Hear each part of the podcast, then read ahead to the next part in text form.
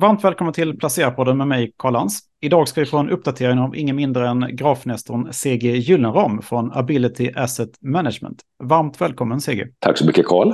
Ja, vad säger du nu om eh, börsutvecklingen? Vi har haft en väldigt stark börs här i år hittills. Det blir spännande att se vad du tror om fortsättningen här tycker jag. Jo, sen är det lite viktigt att veta den här marknaden har varit lite märklig. Du vet, för att nästan, ja i princip hela årets hittillsvarande uppgång den kom ju första veckan i januari när vi, eh, när många svenskar var på julledighet och det var trettondagsafton och det var en påtagligt låg volym. Så det var en märklig uppgång som kom oväntat och lite grann out of the blue. Sen därefter, ganska snart efter, så har ju började marknaden gå sidledes. Alltså sidledes innebär att liksom man gör på stället marsch eller rör sig åt höger om man skulle titta på ett diagram. Ju marknaden alltså sidledes fram till eh, ja, första veckan i mars. Mm. Det hände alltså inte så mycket och då kom ju bankoron och då följer börsen väldigt snabbt. Det var väl nästan 10 procent och sen klingar ju den där oron av. Sen har då marknaden jobbat sig tillbaka uh, uppåt och då när marknaden höll på så där med bankoron och räntor då tyckte jag själv att den var svår prognostiserad. Det viktiga då att försöka få grepp om i det där läget att var det bara en liten tillfällig uppstuds vi såg och vi trots allt skulle ner lite djupare och här fanns det extremt mycket olika, olika åsikter på börsen. Du kunde få allting från katastrofscenarier till, till, till glädjekalkyler. Jag tyckte att marknaden var lite svårprognostiserad och i sådana lägen så brukar jag alltid säga att jag vill vänta tills bilden har klarnat och eh, utkristalliserats. Och har, och har det, det klar, klarnat någonting nu då, tycker du? Ja, det är en bra fråga. Och svaret är både ja och nej. Nej, det är inget politikersvar, även om det kan låta så. Om vi ser på beteendemönstren så är mm. de eh, ovanligt intressanta och har blivit allt mer positiva. Mm. Men så, du vet, så har vi rapportsäsongen har ju då smugit igång. Och då kan man ju se, du vet jag är snart inne på mitt 40 år i branschen. Och, men jag blir alltid nästan lika förvånad. Du vet, du ser Volvo som kommer med en positiv vinstvarning som jag förstår nästan aldrig har hänt i historien. Och så detta ett av börsens absolut största bolag går upp då med 10 procent. Mm. Så tänker man Ericsson då, ja, någon gång så ska de väl eh, verkligen lyfta och de såg lite småintressanta ut och så blir det en rapport med besvikelse så tappar aktien med 10 procent på ett par dagar. Och jag har inte kollat exakt, men de är väl nere runt 20 års lägsta igen. Va? Så man märker det där med rapportperiod är ju verkligen någon, alltså det är ju verkligen, eh, de är svårprognostiserade men är det okej okay om jag backar så kan vi ta beteendemönstren lite grann först och sen titta lite mer på vad, eh, tankarna om rapporterna. Ja, absolut, och, ta, ta beteendemönstret. Mm. Ja, ja, och det har vi, om nu utgår jag från då OMXS30. Och då har det funnits två, ja, det finns två viktiga nivåer. Den ena är då, därför de här beteendemönstren har blivit allt mer tydliga och klart. Det är nästan ovanligt klart och tydligt om det ju inte hade varit för delårsrapporterna. Eh, och den ena nivån är på 2150. Eh, för marknaden gick upp och sen backade tillbaka. Eh, och nästa nivå är på 22,50. Så att då har vi ett ganska tydligt spann eh, mellan 21,50 och 22,50. De här, det är ovanligt tydliga nivåer och under en period, någon vecka, så låg marknaden mitt emellan Eh, runt post på 2200 punkter och då visste man inte riktigt ah, om, om det verkligen fanns någon inneboende kraft i börsen eller inte. Men sedan fick marknaden lite fart och ligger nu, precis i innevarande sekund, så ligger vi då på 22 och eh, 20, 22,61. Eh, och det här är lite viktigt för att du vet, det här är, nu testar vi alltså årshögsta. Marknaden var uppe ända på 2,3 men det var under en dags tid. Men däremot den här nivån runt 22,50 den testades en, två, tre, fyra, fem gånger under februari och mars. Och många gånger när marknaden har rört sig fort så är bland det viktigaste, vad händer sen? Du vet, det är ju, det är ju liksom att kommer det någon rekyl eller inte? För att om marknaden rör sig snabbt uppåt och sedan ja, visade sig att det fanns ingen inneboende kraft i det hela. Men du vet, nu gick marknaden upp. Alltså detta upp, vi pratade alltså den 14 april och sedan har man haft en rekyl. Men det är det knappt man kan kalla det för rekyl. Den har gnagt sig neråt någon enstaka procent och får lite fart idag. Så att, ska vi säga, blir det en bra rapportperiod, vilket är fullt möjligt, då ser marknaden, om jag ska uttrycka mig så, ut att vara förberedd se ut när jag tittar enbart på diagrammen. Men rapporterna kan ställa allting på huvudet. Men ser man enbart på beteendemönstren på kursdiagrammet så ser det ut som att börsen laddar för uppgång. Men, och, men då vill jag se att det blir en uppgång både med kraft och volym och med positiva omvärldsfaktorer och med en flodvåg av rapporter då som kommer på onsdag, torsdag, fredag så kan det mycket väl bli så. Men än så länge man kan, så jag är med betydligt mer, jag var innan så var jag försiktigt positiv, nu är jag nog ganska tydligt positiv. Men man måste lägga in den berömda brasklappen.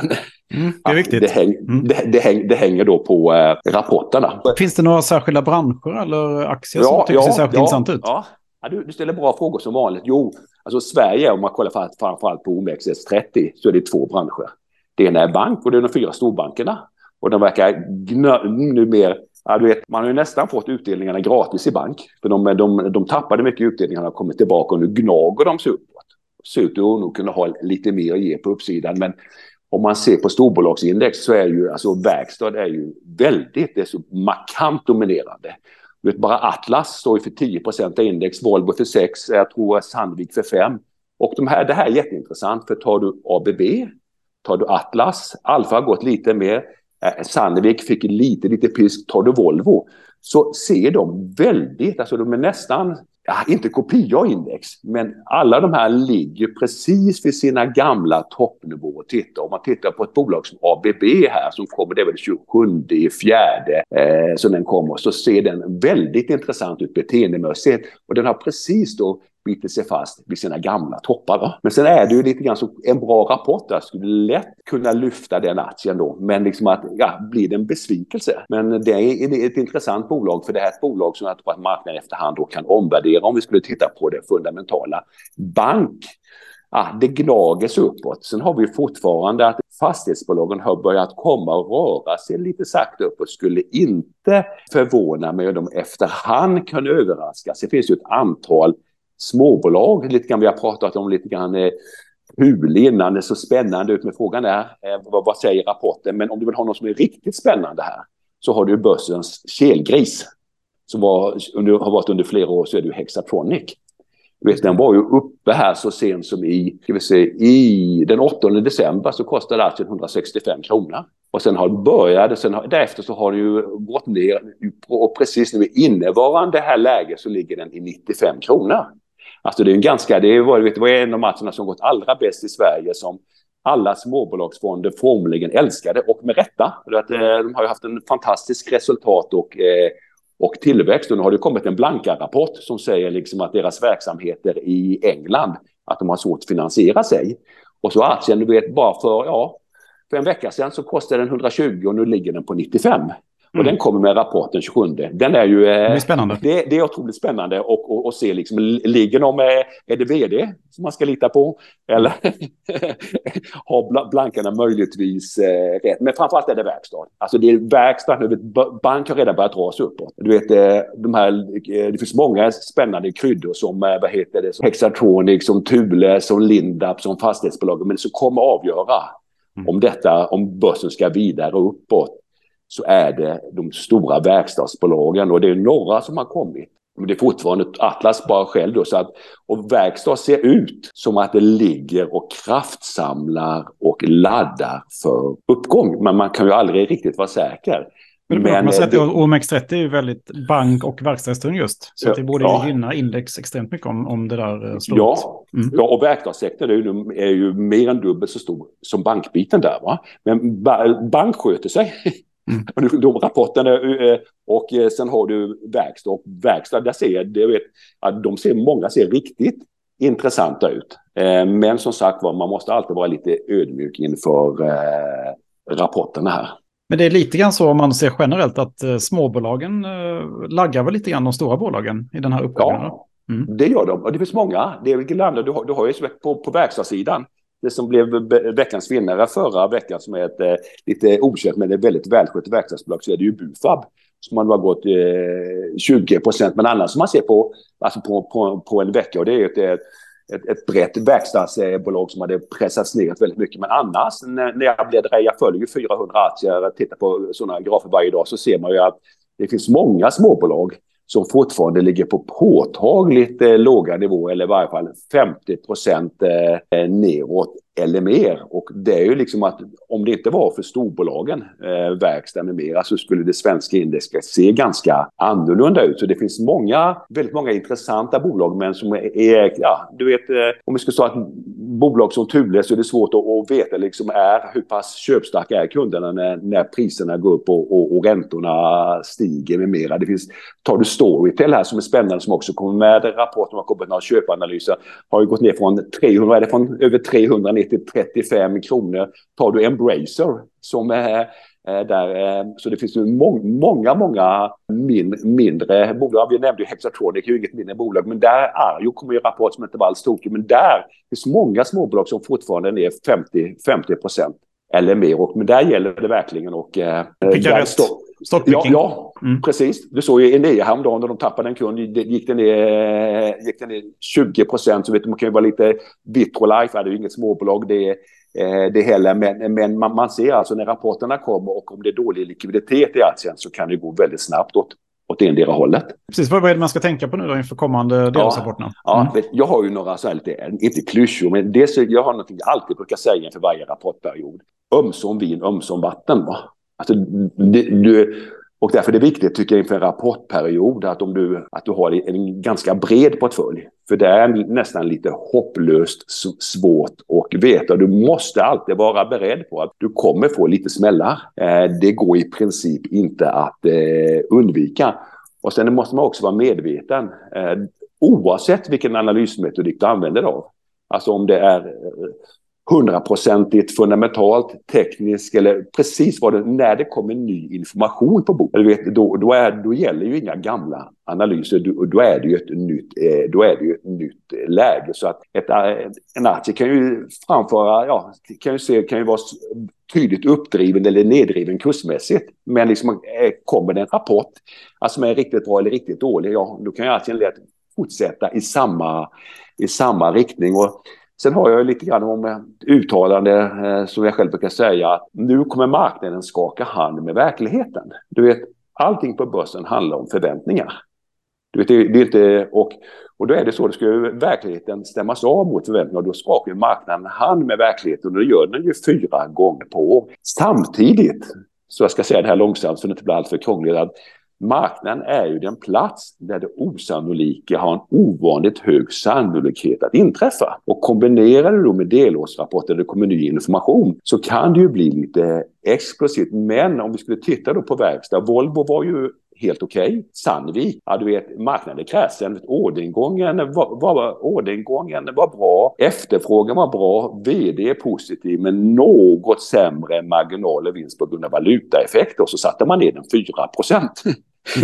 men ehm, det ser, jag tycker det ser eh, lovande ut. Men efter 40 år så, ja, så vet man att allt eh, kan hända och så man måste alltid ha en beredskap för att oavsett hur diagrammen ser ut eller hur fundamentan verkar så måste man ha eh, en förberedelse på att det oväntade kan inträffa. Det, oväntade kan alltid inträffa. Jag tänkte på det, i, vi hade ju en, en eh, börsbotten hittills var ju i oktober då. Den eh, förutsåg du mer eller mindre? Ja, och då, du vet, nu är det här viktigt att äras den som äras bör. För vet, det här var inte fundamental analys, helt lite tekniskt, utan jag och det är jag och min kollega Tony Ugrina som eh, driver Ability Asset Management och vi har suttit i samma rum i 18 år, 20 år. Vi är mer som bröder än kollegor och, och Tony, jag vet, han har ju dubbla dubbla examina både från Handels och, och Chalmers. Så det han inte kan om marknaden är knappast värt att veta. Så att det Tony gjorde, han byggde en simuleringsmodell och så matade han in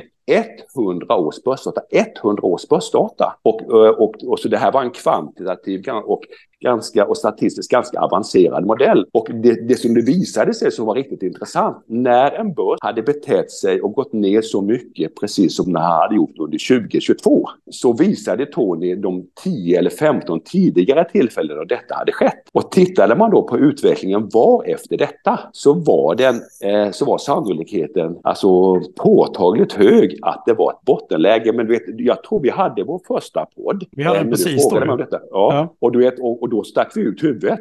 Och, du vet, och det, det, det, var lite, det var lite nervöst när vi skrev och, och nämnde, nämnde detta. Så det var ju inte så. Vet, jag, jag hade ju ett föredrag på Aktiespararna och eh, moderatorn då, han, han, han började nästan skälla på mig. Alltså, där får du väl inte tycka. Eh, och sen är det ju, det svåra är ju att, att verkligen försöka agera i de lägena. Du vet, för att om vi ska ta lite psykologi, bara en enda mening. Den upplevda risken står oftast i omvänd proportion till den verkliga risken. Och det här är bland det svåraste man kan lära sig. När, I det här läget, när, det var, när vi hade ett bottenläge, när det känns som absolut värst, eh, så är ju oftast värderingarna eh, på detta. Men vet, emotionellt så känner du en sak, men verkligheten representerar en annan ofta, du vet, och det är alltid som så, det, det kan man kunna titta på officiella siffror på, på fonderna, att när börsen är som lägst så flödar det alltid mest pengar ut från börsen. Och när börsen är på sin absoluta topp så flödar det absolut, eh, absolut mest pengar in. Eh, efter, efter nu rapporterna så kommer, eh, så kommer, och det här är någonting vi verkligen försöker eh, utveckla, men just nu i samband med rapporterna så måste man eh, in, invänta dem där. Men vi har fått då frågan, tror att detta, att vi verkligen såg den långsiktiga botten? Man kan alltså, om räntorna skulle explodera uppåt i samband med inflationen eller det skulle komma bedrövliga delårsrapporter eller kriget i Ukraina skulle eskalera helt ohämmat. Men annars så är det vår, eh, ser vi att en påtagligt stor sannolikhet att den långsiktiga börsbotten, eh, den satte vi i eh, oktober. oktober. Men då har vi det stora landet i väster. Mm, precis. vad, vad, precis. Tror, du, tror du samma där eller hur känner du för USA? Ja, du vet, du vet, du vet USA är så stort. USA står för två tredjedelar av, av, av det samlade börsvärdet. Du vet, det har ju blivit så enormt stort. Sen den här veckan så har du ju alla techjättarna. Ja, kanske någon som inte kommer då.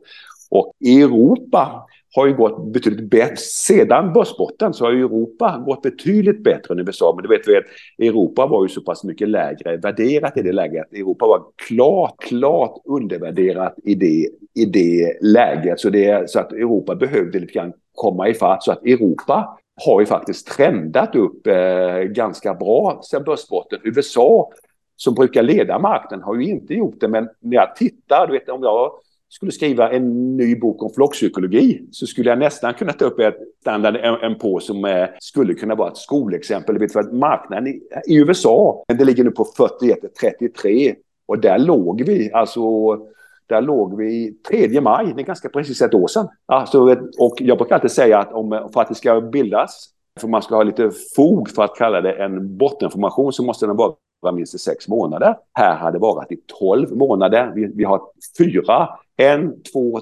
tre, det är den femte högre botten vi har sett. Sen testar vi nu den här nivån, alltså runt här 4 och 1, 4 och 2.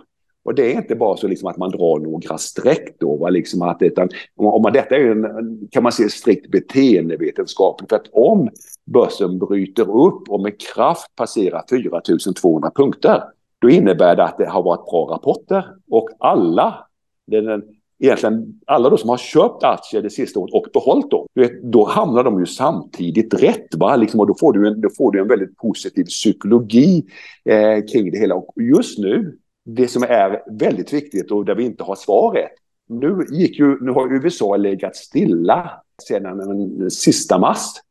Och då har bildade USA just nu, eh, vad jag skrev i min bok Herran, den kom ut 98, nej men för en balanspunkt. Så det, det, det som nästan är ett axiom på börsen, det som föregår en större rörelse är ju nästan i princip alltid minskad volatilitet. Och en balanspunkt innebär att marknaden kommer i balans, den rör sig väldigt lite. USA har ju rört sig väldigt lite nu under tre veckors tid. Alltså den, den, den, har, den, har, den har fastnat, eller rättare sagt den har bitit sig fast i övre delen av sitt intervall. Och det tyder ju ändå på att det finns ett kontinuerligt köpintresse och USA har flera gånger på sistone öppnat neråt men sen kommit tillbaka. Så att där ser det också väldigt spännande ut. Så att en, en, blir det en bra rapport skulle USA kunna påbörja en långsiktigt uppåtgående trend. Blir det dåliga siffror eller räntorna skulle rusa uppåt, då tror vi inte på ny botten, men att det faller ner i intervallet igen. Men sen måste man titta här på det som är intressant, som är ganska avgörande, delårsrapporten. Om du tar den amerikanska tioårsräntan så ser den ut som en klassisk toppformation. Och tar du den eh, amerikan, tar du S&P 500 och även Nasdaq så ser det ut som klassiska bottenformationer. Så att om vi skulle få bra delårsrapporter och att den amerikanska, att, att vi, marknaden börjar mer tro att vi har en långsiktig räntetopp, då ser det riktigt intressant ut men börjar räntorna dra sig uppåt igen och det, är en dålig, och det är en dålig rapportperiod. Men vi, om man skulle säga så, vi upplever att sannolikheten ligger på uppsidan. Och många av de här tittar på de fyra största bolagen. Finns det några, enskilda, ja. finns det några amerikanska aktier du tycker ser intressanta ut just nu? Ja, ja det finns det. Det finns det. Du, du, har, de fyra. Jo, det är Microsoft och sen är det naturligtvis Google och så det är Apple. Ja, det är Apple. Apple är ju säkrast störst. Och Apple har ju, har ju Apple har ett, har ett bra... Jo, du vet, den har ju faktiskt trendat väldigt bra. Det är en av, en av vinnarna har gått från 125 till 165 dollar i år. Och har, har då, har då trendat uppåt och egentligen tagit tillbaka hela börsnedgången. Eh, så där, och sen har du, men de två som ser intressantast ut rent beteendemässigt av de, av de här riktigt stora, ja, de är lätt, alltså om du tar Amazon så ser den, eh, den ser riktigt intressant ut. Och observera, den kommer också här, men där ser den ut att ha bildat en klassisk bottenfas. Den har ju legat här i sex månader och även Google ser intressanta ut. Microsoft ser inte så tokig ut, men den har ju redan den har ju trendat så mycket uppåt så skulle jag välja två av techjättarna på strikt beteendemässiga grunder. Då skulle det nog vara Amazon och vad heter det? Alphabet. Google. Men, med, äh, Alphabet. Men det intressanta är att alla de här fyra stora, du vet de är ju så fan, fanatiskt stora. Så jag vet inte om man ska lägga med Facebook bland nummer fem. Men, och jag kan ha en föråldrad siffra, men i varje fall för ett antal månader sedan så stod de för 25 procent av hela standarden på.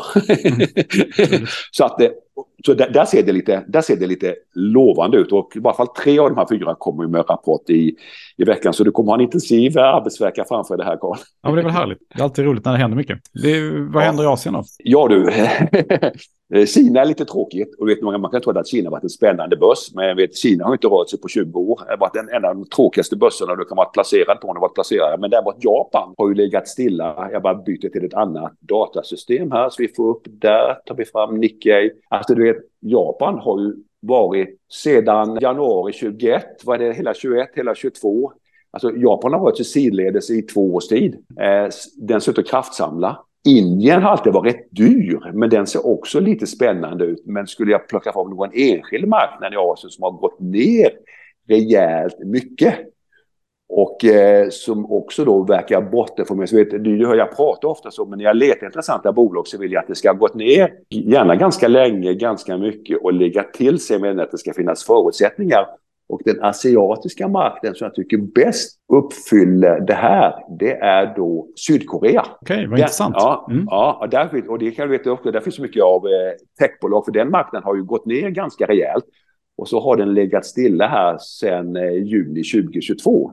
Mm. Så att det är liksom en Kina däremot, den, den, är, den är väldigt, eh, väldigt svår. Den har ju tappat på, på sistone. Men nu har vi både Japan, som nog en stor marknad, Indien och Sydkorea som faktiskt ser intressantare ut på länge. Och det här, i och med att vi har ett positivt grundscenario, så, så, ja, så ger det visst stöd.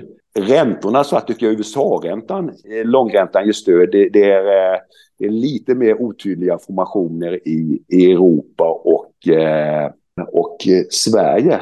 Sen har vi naturligtvis om det finns några råvaror. Så jag tänkte vi skulle vara riktigt globala då, eller vad säger du Carl? Ja, men det är klart. vi har, har haft lite, lite nedgång i oljepriset till exempel de sista veckorna. Ja. Vad är det annars som har hänt ja. på råvarufronten? Ja, och det har du vet, oljan är ju, du vet, vi ligger nu på precis, ska vi se, januari 2022, precis innan kriget började så låg oljan runt 80 dollar. Så gick det 35. Sen har, ju, sen har ju oljan gått ner, så oljan ligger ju på förkrigsnivå nu. Och det ser också ut, ja det låter märkligt, men det är ibland det är ju som sagt, det, det ser ut att bottenförmera sig oljan ungefär. Alltså vore det en aktie så skulle jag ha ett ganska noga öga på oljan. Det har gått från 100 från 130 dollar och ner som lägst till 71 och så nu ligger den och försöker passera 80 dollar.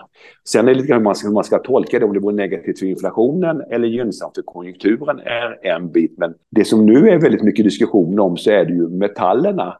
Och ja, jag har läst hur många olika analyser, jag har läst nu hur mycket, hur mycket koppar som det ingår i en, en, elbil. i en, eh, i en, i en vanlig bilma, bilmotor på en, på en el, elbil Eh, med mera och att eh, det ska komma dramatiska underskott. Men kopparn eh, åkte ju ner i samband, eh, ganska kraftigt då i, eh, i samband med krigsutbrottet. Och, och, sen, och nu sedan, ja, hela året här så har den rört sig sidledes. Så kopparn ser, det verkar långsamt trenda uppåt.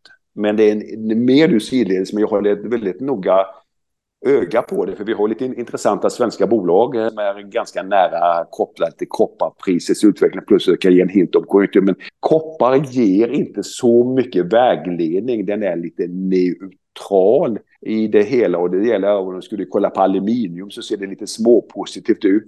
Eh, guld ser ut att toppa och det är bra. Du vet, du vet, jag, inte, jag hade inte kollat på guld innan men vet, guld brukar ju oftast gå upp när börsen går ner och så går det ner när börsen går upp. Så att, att guld ser lite, jag skulle, jag skulle nog, både natt så skulle jag Sälja den? Mm, så skulle jag sälja. Mm. åt, hem, åt hem vinsten då. Va? Eh, nu ska vi inte göra någon lång exposé, men eh, bly ser intressant ut. Zink har gått ner i källan däremot. Va? Men, eh, så det är, ju, det är ju inte helt, men så ser man vet, på en sak som vete, om man ska prata om eh, priser. Alltså, Mjuk, mjuka råvaror. Mm. Ja, vetepriset är ner på samma nivå som ett år, alltså lång, det är ner på en bra bit under, den är nere på samma nivå som eh, slutet på, eh, ja, det, ja, för tre år sedan då. Va? Mm. Eh, och, sen är det, och det här är alltid lite, lite lurigt, men om man, om man tänker på att det är ju onekligen en väldigt viktig, eh, om vi ser på inflationspriser, nu vågar jag inte riktigt gå in i man, eh, hur mycket en sån här sak påverkar, men det man kan säga, det är tydligt, oljan ser ut att bottenformera sig, guld ser ut att toppa, koppar ser ut att gå sidledes och eh, vete här är under stark prispress på på nedsidan. Så det är mycket, men det mesta nu när jag bläddrar igenom så gör jag bara alltid när jag, när jag ska skriva mitt marknadsbrev varje vecka så bläddrar jag igenom allting och sen, sen smälter jag det hela och sen försöker jag få ihop det till något. För Sverige är ju en så liten del av världsmarknaden. Men om jag skulle försöka aggregera ihop allting och sen för 64 gången, du, du förstår på mig om jag upprepar mig här, så, och under förutsättning att delårsrapporten att det blir en anständig period, så skulle jag inte bli förvånad om, om börsen, både Sverige och internationellt, överraskar på uppsidan. Men man eh, måste fortfarande vara lite ödmjuk. Och vi har ju själva, jag, vi, har, vi har själva innan haft ganska stor kassa men har väl nyttjat det mesta och eh, med, med, fokus på verkstad och lite kryddor. Så vi försöker leva som vi lär. Om vi får rätt, ja det vet vi om en vecka ungefär. Mm. För, för det oväntade brukar alltid hända på börsen, som du sa i början. Ja, jo. jo Eller har ju en sannolikhet att hända oftare än man tror. Liksom. Oh, ja. Nej, man får aldrig vara kaxig. Du vet, är, är du liksom att oavsett vilken åsikt eh, man har, så eh, precis som, som, du säger då, va, så, eh, så är det alltid en, när det kommer ny information så får man anpassa sig till det hela. Men så som det är just nu, innan rapportperioden har startat, så känner jag och Tony bekväma med att vara relativt eh, optimistiska då. Va? Men vi har, vi har alltid en plan B. Va? Men vi hoppas, eh, eller, vi mm. hoppas slippa sätta den i, i verket då. Va? Så det är väl ungefär hur jag skulle, om du kan nu få någon reda i alla eh, synpunkter och åsikter som jag har fått, fått fram här. Men jag, jag, ja, men jag tycker du, du verkar ovanligt positiv, tycker jag nog. Ändå. Ja, jo. Mm. Jag försöker hålla en, en, en, klar och röd, och röd linje då, liksom på något sätt. Och det är att eh, när den aggregerade, den aggregerade bilden, hade Sverige sett bra ut men USA sett dåligt, men det, det, det ovanligt många saker som samverkar. Men nu behöver vi den sista, om vi ska få lite flockbeteende, som jag gillar när det går åt rätt håll, mm. Eh, då behöver man, det uppkommer inte bara av sig själv, utan det, det uppkommer väldigt ofta, nu ska du inte, här kan vi prata ett par timmar till, men antingen i slutet på långa trender upp eller ner, eller i samband med brott av långvariga bottenintervall eller toppformationer. Och det, det är ju där vi befinner oss, men du, bara att du ska få ett flockbeteende, oavsett negativt eller positivt, så måste det få en ganska stark katalysator. Alltså någon, en extern faktor som, liksom, som, som eh, förändrar psykologin. Och om delårsrapporten är den, skulle det mycket väl komma vara. Så, eh, så det är en... Eh, en sak kan jag lova i alla fall, Carl. Den närmsta veckan kommer inte bli tråkig på börsen. Om den kommer bli rolig om du placerar, det kan jag inte lova. Men jag kan, jag kan garantera dig att det inte kommer vara en tråkig kommande vecka. Och det är väl... Garanterar spänning med andra ord ökad spänning. Ja, just det, jag hade bara mm. sätta på sig säkerhetsbältet och åka med. Ja, vad kul. Ja, men äh, jättekul att höra din, äh, din uppfattning om börsen. Ja, ja jag hoppas du fick lite att det var att, det, att den framkom. Men ja, din, din tolkning är rätt. Jag, jag är mer positiv än, än, jag har varit på ett ganska bra tag faktiskt. Ja, ja men tusen tack för att du ville vara ja. med, Sigge. Ja, varsågod. Det var, det var ett nöje att prata med dig som vanligt, Karl. Mm, tack, tack så mycket.